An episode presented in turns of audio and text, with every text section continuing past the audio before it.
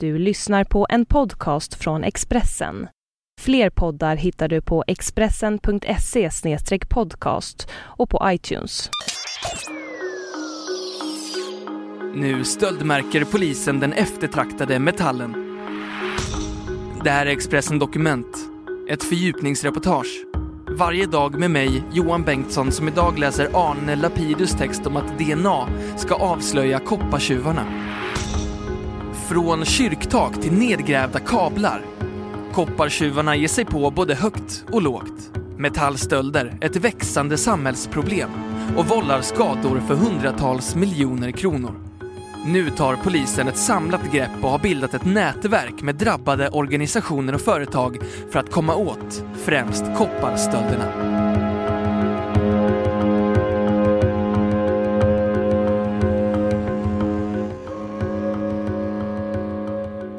I mars förra året stod tågtrafiken stilla i 12 timmar mellan Nässjö och Alvesta på Södra stambanan.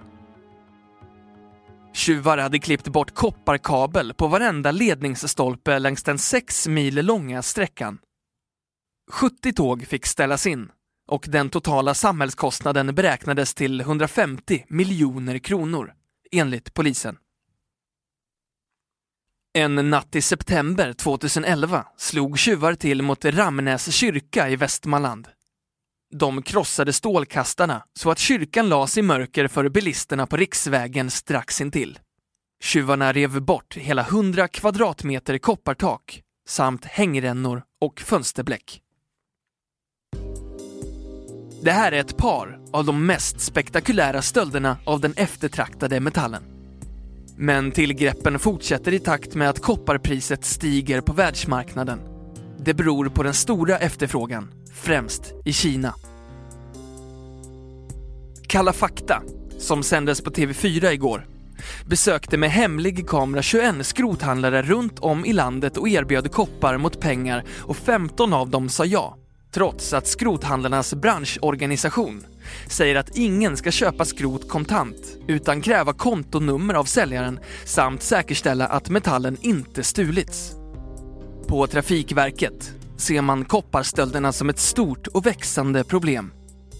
Förra året hade vi 318 stölder som vållade 45 000 förseningsminuter. Bara återställandet kostade 7 miljoner kronor. Men samhällskostnaden är väldigt mycket högre. Det handlar om förseningar, folk som inte kommer till jobbet, missade flyg, säger Sten Wickberg, säkerhetschef för Trafikverkets underhållningsverksamhet. Vi har tagit tag i den här frågan de senaste två åren. Problemet trappas upp. Hittills i år har vi haft 58 stölder. Västsverige är hårdast drabbat. En lösning kan vara att ersätta koppar med aluminium. Det är mycket billigare, men leder inte lika bra. Men det ger bättre ekonomi, så mycket talar för att vi går över till aluminium, säger han.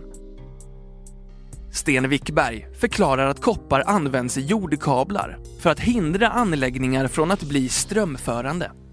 Det har hänt att tjuvar av misstag har försökt att ta koppar från strömförande kontaktledningar, 1600 volt, och skadats eller omkommit, säger han. Liksom andra drabbade hoppas Trafikverket mycket på så kallad smart DNA-märkning. Det innebär att man sprayar en osynlig färg med spårämnen på kopparn så att polisen kan identifiera stulen metall, till och med om den mals ner. Märkta kablar, övervakningskameror, övergång till aluminium. Det är några åtgärder som vi hoppas ska stoppa stölderna, säger Sten Wickberg. Också på Vattenfall har man liknande problem. Där slår tjuvarna till mot transformatorstationer och ställverk. Vattenfall hade 100 kopparstölder 2011.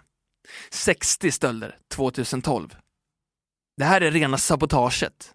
Stölderna leder till kostnader på 10-15 miljoner kronor per år, säger Mikael Björner, kommunikatör på Vattenfall. Det kan också vara farligt. Stationer kan stå öppna efter inbrott och vara strömförande. Det är stor risk att nyfikna barn och ungdomar går in, säger han.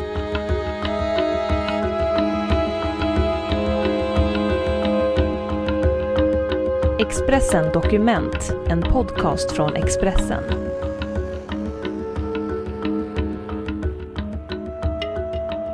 Patrik Olsson, VD på Kyrkans Försäkring AB, har överblick över de kopparstölder som drabbar landets kyrkor.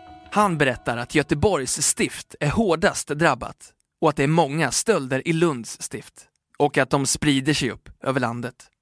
Sedan 2011 är kopparstölder ett riktigt stort problem. Det året såg vi en ökning från 29 fall året innan till 70 fall. Förra året hade vi 67 anmälda fall. Men det kan vara fler, säger Patrik Olsson. Tjuvarna har ingen respekt för kyrkor. De slår ofta till mot landsortskyrkor som ligger ensligt till. Det är en viktig faktor att man kan jobba ostört, särskilt när man ger sig på kyrktak. Att man river bort fönsterbläck och stuprör händer också i Stockholm, Göteborg och Malmö. Tjuvarna tar också kopparföremål från gravar, säger han. Också kyrkorna har börjat DNA-märka sina kopparverk. Då sätter man upp skyltar som upplyser eventuella tjuvar om att plåten är märkt. Det har visat sig vara effektivt. Hittills har inga stölder av märkt material rapporterats. På flera håll i landet har man bytt ut koppar mot vanlig plåt i taken. Först måste man få tillstånd av Länsstyrelsen. Det handlar om kulturskydd, säger Patrik Olsson. Senare i april håller polisens nybildade nationella nätverk mot metallstölder sitt första möte. Då ska polisen diskutera åtgärder tillsammans med Trafikverket, kyrkan, energibolag, teleföretag, återvinningsbranschen och andra som påverkats av stölderna. Rikspolisstyrelsen har utgett Polismyndigheten i Örebro till att leda projektet. Vi tittar på metoder att bekämpa metallstölder, förebyggande åtgärder, bygga upp kunskap och ge råd och tips. Vi ska också jobba mot metallstölder operativt på fältet, säger Mats Skärp, kommissarie och projektledare. Det gäller både kopparstölder och organiserade stölder av metall, där det kan röra sig om flera ton rostfritt stål, aluminium och annat. De organiserade metallstölderna i stor skala är ofta beställningsjobb. Där kan man inte ringa upp vilken hälare som helst.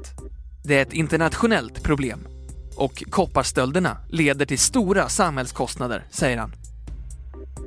Mats Skärp förklarar att tjuvarna kan vara missbrukare när det gäller mindre kopparstölder. I övrigt kan det vara vad han kallar livsstilskriminella och ligor från länder som Rumänien, Bulgarien och före detta Jugoslavien. Bland åtgärder nämner han dels DNA-märkning av koppar, dels lagstiftning för att öka kontrollen av metallåtervinningsföretagen, en bransch som också är känd som skrothandeln. Vi ska titta på skärpt lagstiftning mot skrothandlare. Tidigare fanns en lag som innebar att polisen skulle ge tillstånd för skrothandel, men den avskaffades. Kanske dags för något liknande, säger Mats Skärp. Vi ska också titta på kontanthantering den kan lätt leda till svarta pengar. Branschorganisationen Svenska Järn har förbjudit kontanthantering. Men väldigt många skrothandlare är inte medlemmar, säger han. Men varför är just koppar så åtråvärt? Magnus Strömmer, råvaruchef på Handelsbanken, förklarar att det är det bästa materialet för att leda el och en bristvara.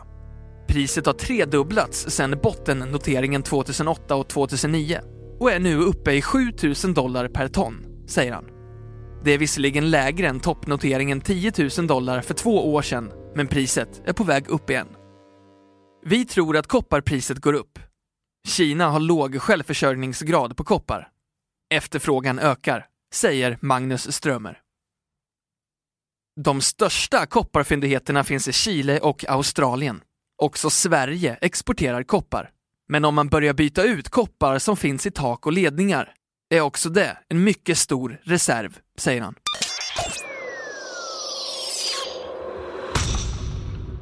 Du har hört Expressen Dokument, ett fördjupningsreportage om att DNA ska avslöja koppartjuvarna av Arne Lapidus, som jag, Johan Bengtsson, har läst upp.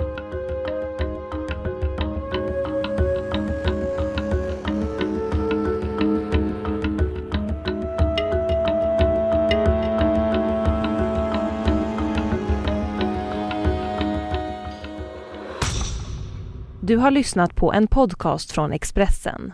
Ansvarig utgivare är Thomas Mattsson. Fler poddar finns på Expressen.se och på iTunes. Ett poddtips från Podplay. I fallen jag aldrig glömmer djupdyker Hasse Aro i arbetet bakom några av Sveriges mest uppseendeväckande brottsutredningar. Går vi in med hemlig telefonavlyssning och, och då upplever vi att vi får en total förändring av hans beteende. Vad är det som händer nu? Vem är det som läcker? Och så säger han att jag är kriminell, jag har varit kriminell i hela mitt liv men att mörda ett barn, där går min gräns. Nya säsongen av Fallen jag aldrig glömmer på Podplay.